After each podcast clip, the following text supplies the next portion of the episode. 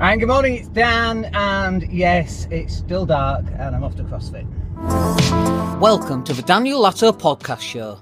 Fresh content covering business, investing, marketing, money, health, and more. And good morning, hope you're well.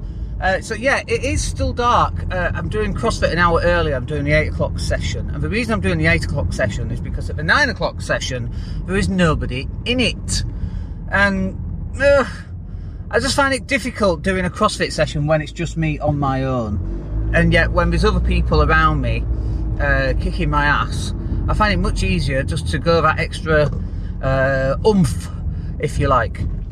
But also, you should see I mean, this is stunning. You should see where we are with the. Uh, I'm going to be late for CrossFit, but I need to show you this because this is just show you what, what it looks like. Hang on a second. Let's this. Me grab the camera. Here we go. And if you're listening to a podcast, I apologise because you can't actually see this. But I'll just show you this. Hang on a second. Cross the road, leave the door open leave the car running. Here we go, are you ready? Look at that. Oh. How stunning is that? How beautiful.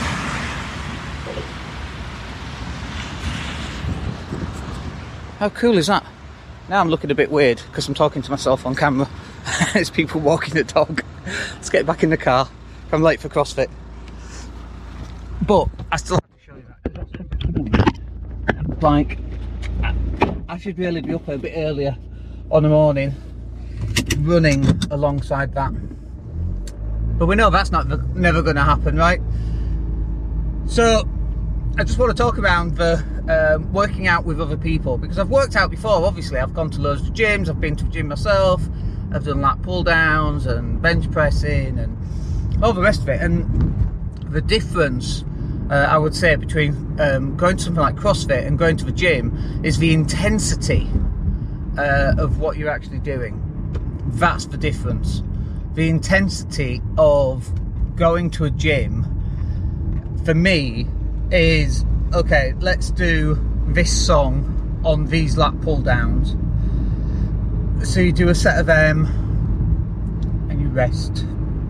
You do a set uh, again you rest and then you do another set and then I need a different song for my bench pressing so you do choose a song and then you do your bench press and you rest and you bench press and you and there's three sets there's always three sets of 10 you know and um, it's just you on your own you're not talking to anybody you've got your headphones on of course because you've got to listen to the music you have to listen to the music and then you go to CrossFit and The intensity is just bonkers. You've got, you know, I don't know, 50 pull-ups to do, 40 wall balls, 30 burpees, 20 devil presses, and 10, 10 uh, handstand push-ups. Uh, you got 15 minutes, go! Music goes on, you know, whatever it happens to be, from heavy metal and hard rock through to um, Spanish hip hop, which is very interesting uh, through to electronic dance music. And then every so often we'll play something from my era, from the 90s and the noughties. And I'm like, yeah, I'm getting right into it. And then after 15 minutes, you're kind of struggling to uh, still be alive. And that's the difference between the two. That's why I chose this morning to get up slightly earlier. I actually got up at the same time, but I can get to CrossFit early if I miss my coffee and do my numbers at a different day, you know, spreadsheet and so on. Um, and so this is where we are. This is what we do. Anyway, we're just coming up to CrossFit, so we'll uh, we'll catch up with you soon. All right, bye.